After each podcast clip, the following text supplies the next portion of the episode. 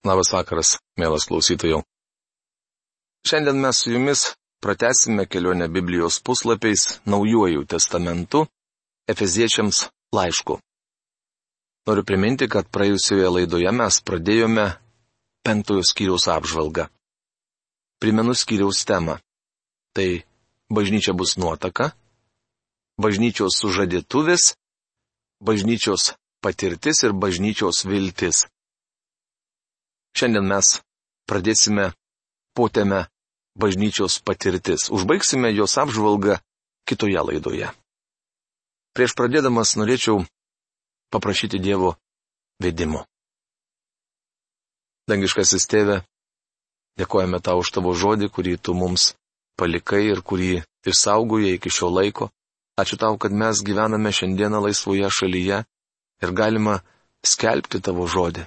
Aš dėkoju tau už mūsų radio klausytojus. Viešpate, tu pažįsti kiekvieną žmogų, nes kiekvienas yra tau brangus, tu jį sukūrėjai, tu juo rūpinėsi, nepriklausomai jis yra tikintis ar netikintis. Tu maloningas visiems. Aš prašau, kad tavo žodžio dvasia galėtų pasiekti kiekvieno žmogaus širdį. Tikinčiuosius sustiprinti ir įtvirtinti tikėjime, netikinčius arba dar nepasitikinčius tavimi Dieve, tu galėtum atvesti išgelbėjimo kelią. Atversti. Netikinčius tu galėtum išgelbėti. Dangiškasis tėve, aš prašau, kad pateptum mano lūpas ir jomis būtų skelbiama tavo žodžio tiesa. Jėzus Kristaus vardu. Amen. Taigi, bažnyčiaus patirtis. Kiekvienas tikras tikintysis turėtų būti šitą patyręs. Paklausykite, kokia turėtų būti jo patirtis. Ir nepasigerkite vynu, kuriame slypi pasileidimas, bet būkite pilni dvasios. Kalbėkite psalmių, himnų bei dvasinių giesmių žodžiais, gėdokite ir šlovinkite savo širdyse viešpatį. Efeziečiams laiško 5 skyriaus 18 19 eilutės. Aš šią pastraipą verčiu taip. Nepasigerkite vinu, kuriame yra lėbavimas arba pasileidimas, bet būkite pripildyti dvasia. Kalbėdami vienas kitam psalmėmis, himnais ir dvasinėmis giesmėmis, gėdodami ir kurdami melodiją savo širdyje viešpačiui. Tai nėra vien pasisakymas prieš girtavimą, nors girtoklystės nuodėmė buvo užvaldžiusi ne tik senovės pasaulį, bet ir šiandien tebe greuna žmonių gyvenimus. Tiesą sakant, ji gali sužlugdyti visą žmoniją. Tačiau tai nėra paskaita apie girtoklystę. Iš tikrųjų, Paulius pateikia palyginimą.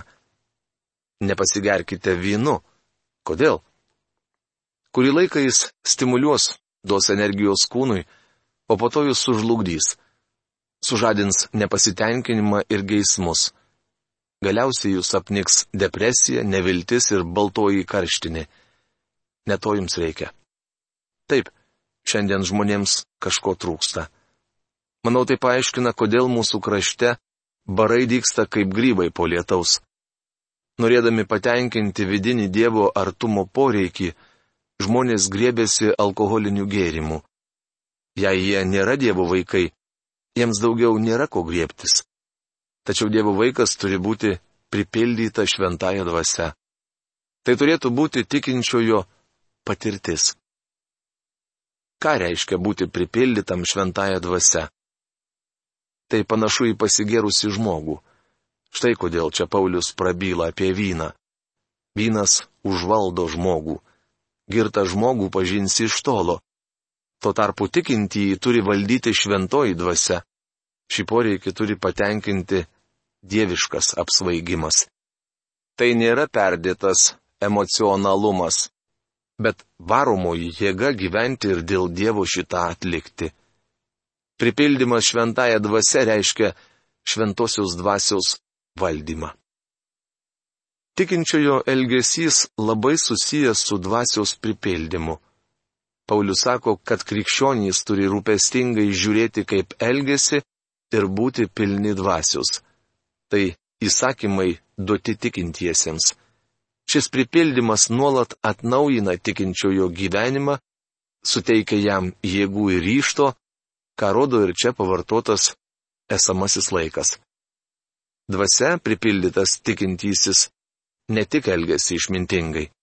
Apie jo krikščionišką charakterį liudyja ir dvasios vaisius. Žiūrėkite Galatams laiško 5 skyriaus 22-23 eilutes. Tikinčiajam niekur neliepiama priimti šventosios dvasios krikštą, tačiau sakoma, kad mes esame pakrikštyti į vieną kūną. Taip, profesorius Algirdas Jurienas verčia pirmo laiško korintiečiams 12 skyriaus 13 eilutę. Ar tai įvyko mūsų pastangų dėka? Ne. Tikėjimu į Jėzų Kristų. Šventoji dvasia atgimdo mus ir apsigyvena mumyse. Ji užanspaudoja mus, pakrikštyje ir padaro tikinčiųjų kūno dalimi. Tačiau tikinčiajam reikia dvasios pripildymo, kad jis galėtų tarnauti Kristui. Sėkminių dieną Jėzaus mokiniai buvo susibūrę draugien. Jiems reikėjo eiti į pasaulį dėl Kristaus ir jie buvo pripildyti dvasia. Tadien šis patyrimas įgalino juos liudyti. Pripildymas dvasia toks pat paprastas, kaip kūro bako pripildymas degalais. Jūs tarsi užvažiuojate į degalinę ir sakote, pripildykite kūro baką. Pradėdamas dieną su viešpačiu aš prašau, viešpatė, noriu gyventi dvasia. Pats negaliu to padaryti. Man reikia tavo galios, tavo pagalbos. Mes kaip krikščionys turėtume pradėti dieną prašydami šventosios dvasios pripildymo. Tikintiesiems jis būtinas. Galbūt jūs buvote pripildytas dvasia vakar ar prieš savaitę, bet to negana. Aš perku benziną iš vieno bičiulio, kuris turi nuosavą degalinę. Vieną rytą prisipyliau pilną baką degalų, bet kitą rytą vėl atvažiavau pas jį. Pripildyk jį, paprašiau savo bičiulio. Jis paklausė, kur tu buvai? Papasakojau jam, kad rytą pamokslavau Juko slėnyje, o vėliau manęs laukė tarnavimas bažnyčioje. Matote, bičiuli, pripildytas dvasios jūs darbositės dėl Dievo, gyvensite dvasia. Tačiau tai nereiškia, kad šiandienos pripildymo užteks rytojui. Seną kurobaką reikia pildyti kasdien. Štai kodėl kai kurie žmonės vieną dieną gali būti nuostabiai Dievo naudojami, o kitą dieną jaustis visiškai tušti. Aš pažįstu šį jausmą. Esu tikras, kad jūs taip pat. Mums reikia naujo pripildymo šventąją dvasę, kuris įgalintų mus gyventi dvasę. Kartais mes suklumpame ir pargriūname. Mano mažasis anūkas mokosi vaikščioti, todėl dabar jo kakta ir nosis nubalnota. Tačiau jis keliasi ir bando iš naujo. Vieną dieną jis vaikščios be jokio vargo. Dievas nori, kad mes išmoktume gyventi dvasia. Jis nori, kad būtume pripildyti šventosios dvasios. Kaip galime pažinti, kad žmogus pilnas šventosios dvasios? Kalbėkitės psalmių, himnų bei dvasinių giesmių žodžiais, gėdokite ir šlovinkite savo širdyse viešpatį. Gerai, kad Dievo dvasia sakė mums kalbėtis vieniems su kitais. Jei būtų pasakius gėdoti, aš negalėčiau to daryti. Mano psalmis reiškia psalmyną, mat greičiausiai visas šios knygos psalmės lydėjo muzikinis akompanimentas. Himnai buvo labai didingi. Juos kurdavo žmonės norėdami pašlovinti Dievą. Dvasinės giesmės buvo netokios formalios kaip psalmės ar himnai. Gali būti, kai kurios iš jų buvo sukūriamos ekspromtu. Visą tai liudyja apie dvasios pripildymą mat jis suteikia tikinčiųjų gyvenimui džiaugsmo. Norėčiau tarti vieną kitą žodį apie tai, kas yra bendro tarp vyno gėrimo ir dvasios pripildymo. Keliaudami mes dažnai apsistojame moteliuose ar viešbučiuose.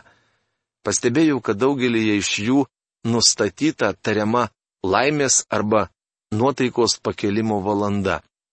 Maždaug penktą valandą vakaro žmonės susirenka prie baro ir ima gerti, kad iki šešių ar septynių pasidarytų draugiški bei sukalbami.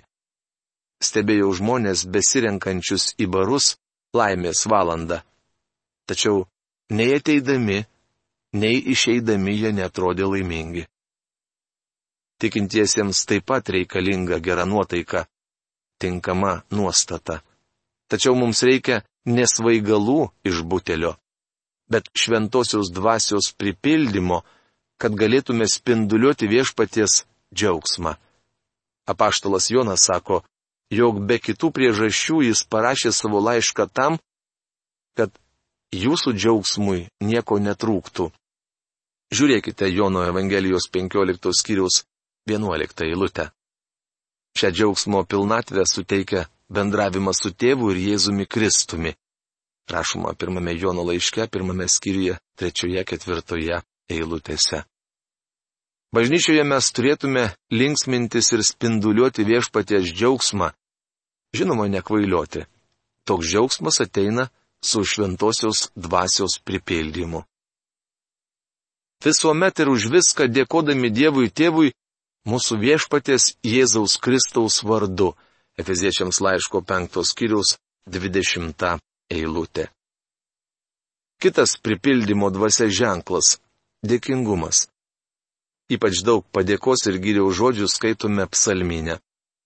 Tai didinga padėka, kurios šiandien stinga tikintiesiems.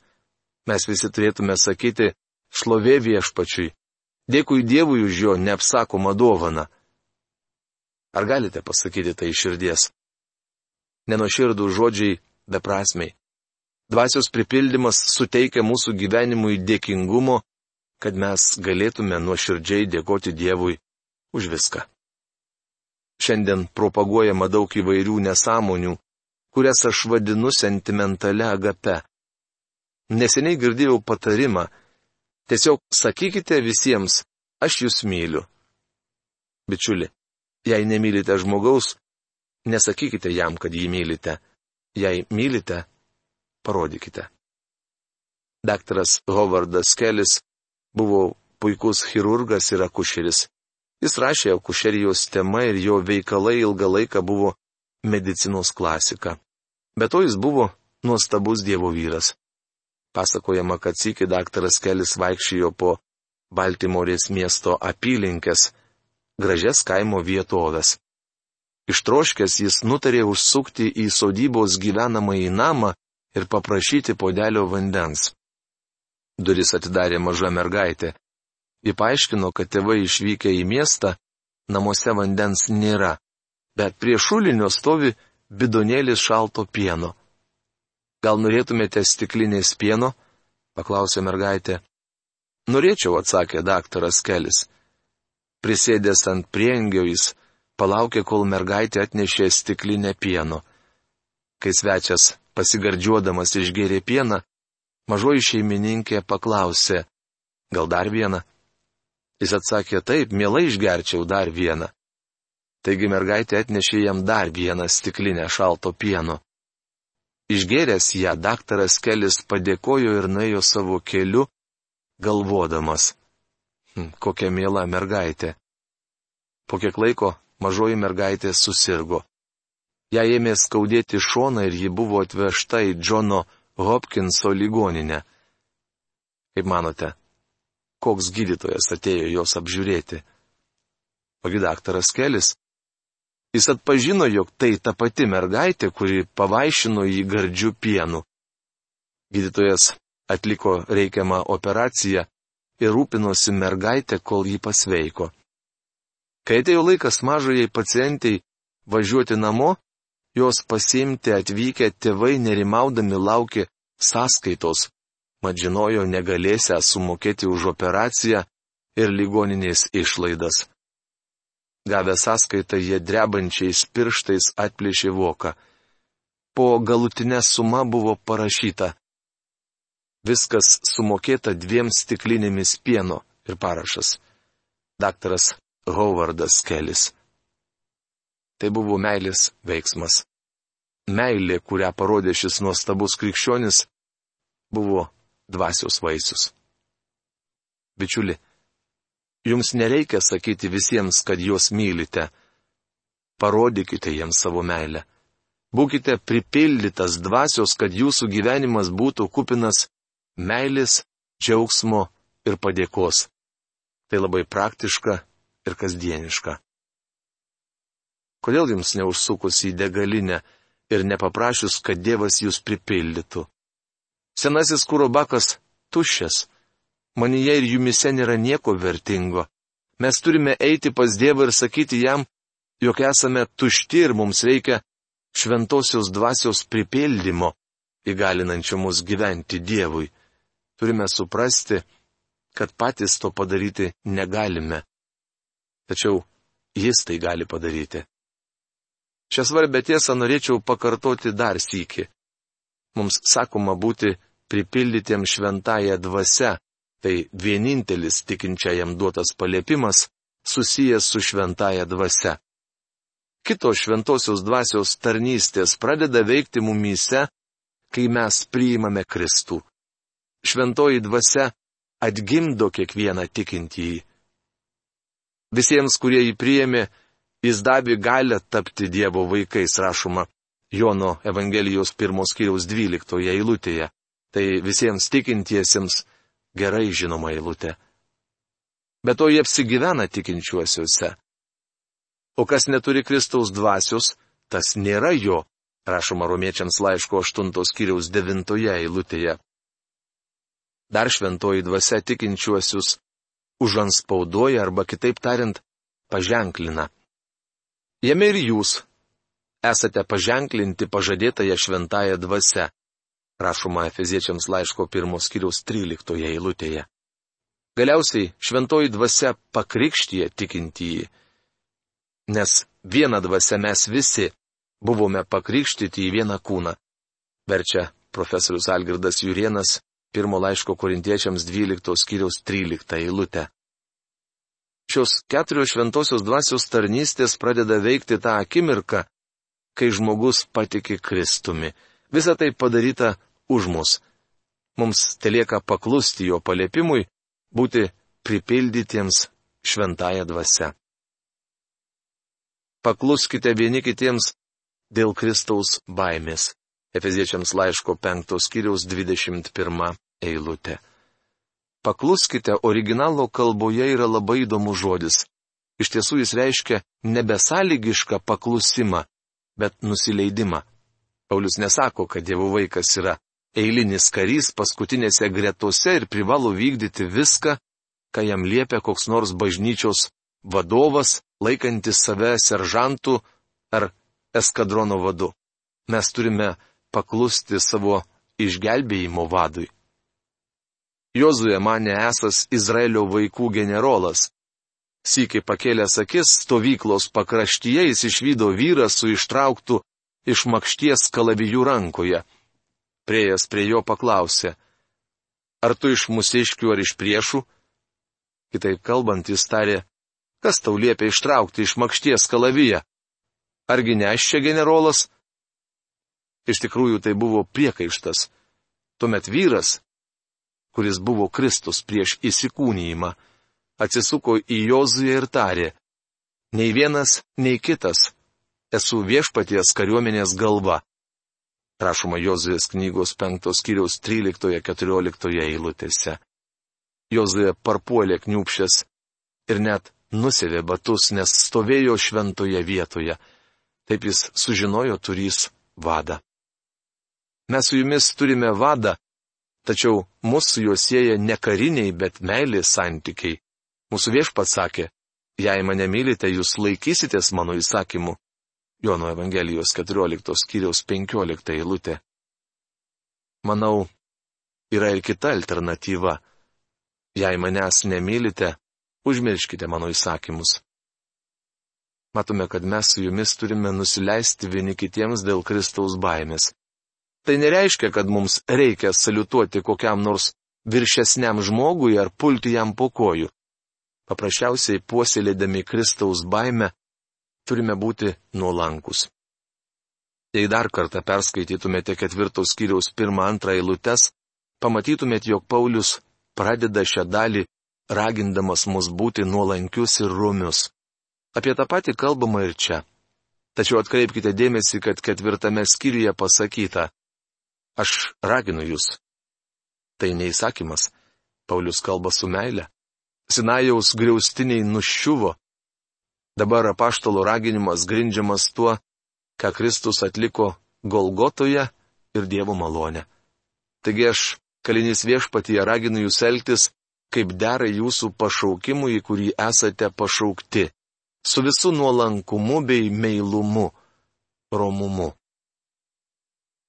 Pakluskite, kitaip, nusileiskite vieni kitiems dėl Kristaus baimės. Tai reiškia, kad mes neturėtume bandyti valdyti bažnyčios. Pastoriai, tarnautojai ir visi kiti bažnyčios nariai turi nusileisti vieni kitiems dėl Kristaus baimės. Čia negali būti jokių, kaip aš noriu. Niekas negali pasakyti, noriu, kad žinotum, jog aš elgsiuos, kaip man patinka, darysiu kaip tinkamas. Tokia nuostata nebūdinga šventosios dvasios pripildytam žmogui. Pripildymo dvasia rodiklis yra nusileidimas kitam dėl Kristaus baimės. Mielas klausytojų, šios dienos laida mūsų baigėsi. Bet aš noriu paklausti jūsų ir palikti jūsų šituo klausimu. Kas yra jūsų gyvenime? Ar jūs esate pripildytas tą dvasę? O gal jūs nesuprantate, nežinote, kaip tai turėtų atsitikti jūsų gyvenime? Gal niekada neišpažinote Dievui savo nuodėmių, nepripažinote jo visagališkumo ir savo neįgalumo? nesupratimo. Jūs tai galite padaryti šiandien, dabar, ten, kur esate. Jeigu jūs nuoširdžiai pripažinsite savo kaltę prieš Dievą ir kviesitės jį į savo gyvenimą, jisai įdės į jūsų širdis amžinybės anspaudą, tai yra šventosios dvasios anspaudą. Ir nuo tos akimirkos jūsų ryšys su Dievu atsivers. Bet tam reikalingas rimtas pasiryžimas. Aš norėčiau, kad kiekvienas iš jūsų pasvarstytumėte, ar jūs turite tą anspaudą. Be jo jūsų kūro bakas niekada nebus pripildytas Dievo šventąją dvasia, tą išmintimi, kurie ateina iš aukštybės. Mes, tikintieji, pagal šventąjį raštą tai vadiname gimimu iš aukšto arba gimimu iš naujo. Aš noriu, kad jūs pasiliktumėte su šiomis mintimis. O jeigu ką manote kitaip arba turite klausimą, mes laukiame jūsų laiškų. Iki malonaus sustikimo. Sudė.